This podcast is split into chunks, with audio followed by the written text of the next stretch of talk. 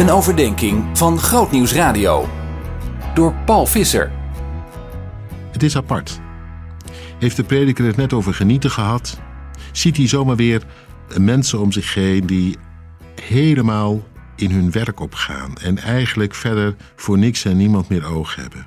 Nou ja, het leven van vandaag, hè? Je weet, ik zou wat meer moeten genieten en intussen kun je zomaar op zo'n manier aan je werk verliezen dat je een workaholic wordt. De prediker schrijft daarover. In hoofdstuk 6. Hij kende het woord nog niet, maar het verschijnsel al wel. Hij zag het om zich heen gebeuren. Ik lees het uit Prediker 6, vanaf vers 1. Het is, dat heb ik ingezien, een trieste zaak onder de zon en voor de mens een zware last. God geeft iemand rijkdom, bezittingen en aanzien. Er ontbreekt hem in zijn leven niets van wat hij zich gewenst heeft. Maar God staat niet toe dat hij ervan geniet. Dat laat hij een vreemde doen. Leegte is het. Een ellendige en trieste zaak. Zo iemand zou wel honderd kinderen kunnen krijgen en wel jaren kunnen leven, vele jaren lang, maar als zijn dorst naar rijkdom nooit gelest wordt en hem nog niet eens een graf rest, dan, zeg ik, is een doodgeboren kind beter af. Het wordt in leegte geboren en verdwijnt in het duister, even naamloos als het is gekomen. Het heeft nooit de zon gezien en geen weet gehad van het bestaan. Het heeft rust, veel meer dan die ander. Die, ook al leeft hij duizend jaar en nog eens duizend jaar, niet genieten kan van al het goede dat hij heeft. Zijn zij niet beide op weg naar dezelfde plaats? Al het gezwoeg dient ertoe dat de mens zijn buik vult, maar zijn verlangens blijven onvervuld. Nou ja, als je het alleen al hoort, word je er verdrietig van, toch? Dat je nooit meer kunt stoppen, niet meer van ophouden weet.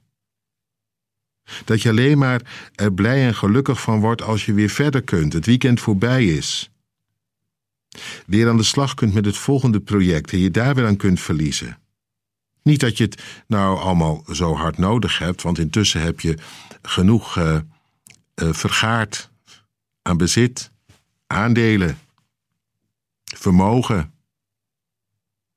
Het kan bijna niet op en toch nooit genoeg. Altijd weer opnieuw, uh, de in de weer, om toch nog een stap vooruit te zetten. Ja, ik hou gewoon van mijn werk, zeg je dan. Alsof dat de gewoonste zaak van de wereld is, dat jij je daar op zo'n manier aan verliest. Workaholic. Je wordt er zenuwachtig van als je even niks te doen hebt. Vakantie, nee, dat is niks voor mij. Laat mij maar mijn gang gaan. Daar krijg ik energie van, zeggen mensen dan. Nou ja. Te triest voor woorden, toch? De prediker zegt: Al leef je duizend jaar en nog eens duizend jaar erbij, denk je in, 2000 jaar intussen. En je bent nog in de weer, je bent nog niet klaar, zoiets.